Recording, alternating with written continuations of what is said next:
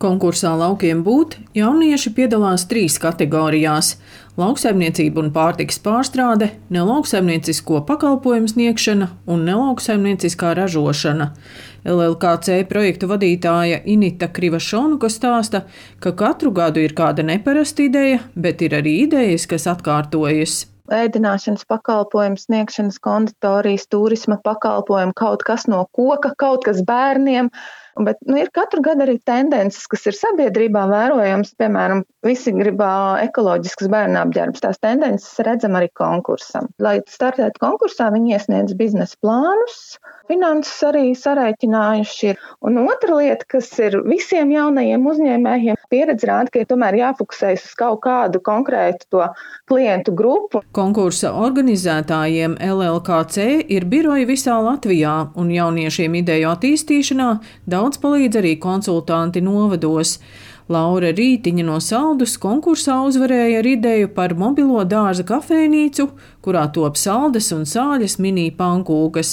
Viņa jau uzsākusi ielu tirzniecību un iegādājusies mobilo virtuvi, bet konkursā iegūtā naudas balva ļaus to labi iekārtot. Mana konsultante pabakstīja mani un teica, nu, tu jau esi pavisam tuvu, jau viss ir izdarīts, jau finanšu plāni, un nu, viss jau ir, tikai sniedz iekšā.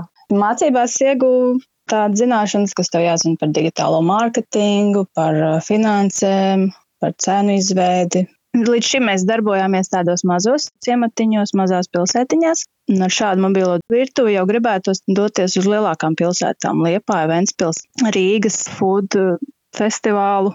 Es pat esmu 20 gadus nostrādājis dažādās virtuvēs, un es vienmēr domāju, ja es kaut ko pati uzsākšu, tad tas noteikti būs vienkāršs ēdiens, kas gan arī visiem garšo. Galvenais, ka viņš ir svaigi gatavots.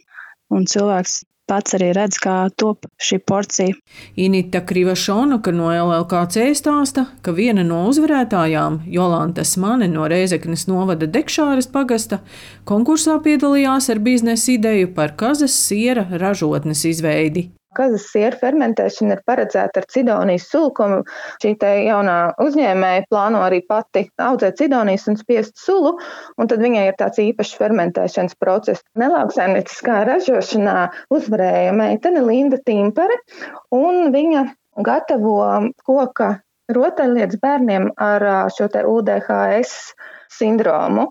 Viņa jau sadarbojas jau arī ar pedagogiem un speciālistiem, lai tās uzlītas un tie materiāli būtu gan daudzkārt izmantojami, gan smuki, gan arī veicinātu tieši to bērnu slimības, to procesu atvieglošanu. Inita Krivašona, kur gandarīta, ka konkursu laukiem būtu notiek jau 11 gadus, bet jauniešu interese nesamazinās. Organizētāji seko līdzi arī jauniešu turpmākajām gaitām biznesā. Mēs arī konkursa laukiem būt žūrijā vienmēr uzaicinām kādu jaunieti no iepriekšējo gadu konkursa.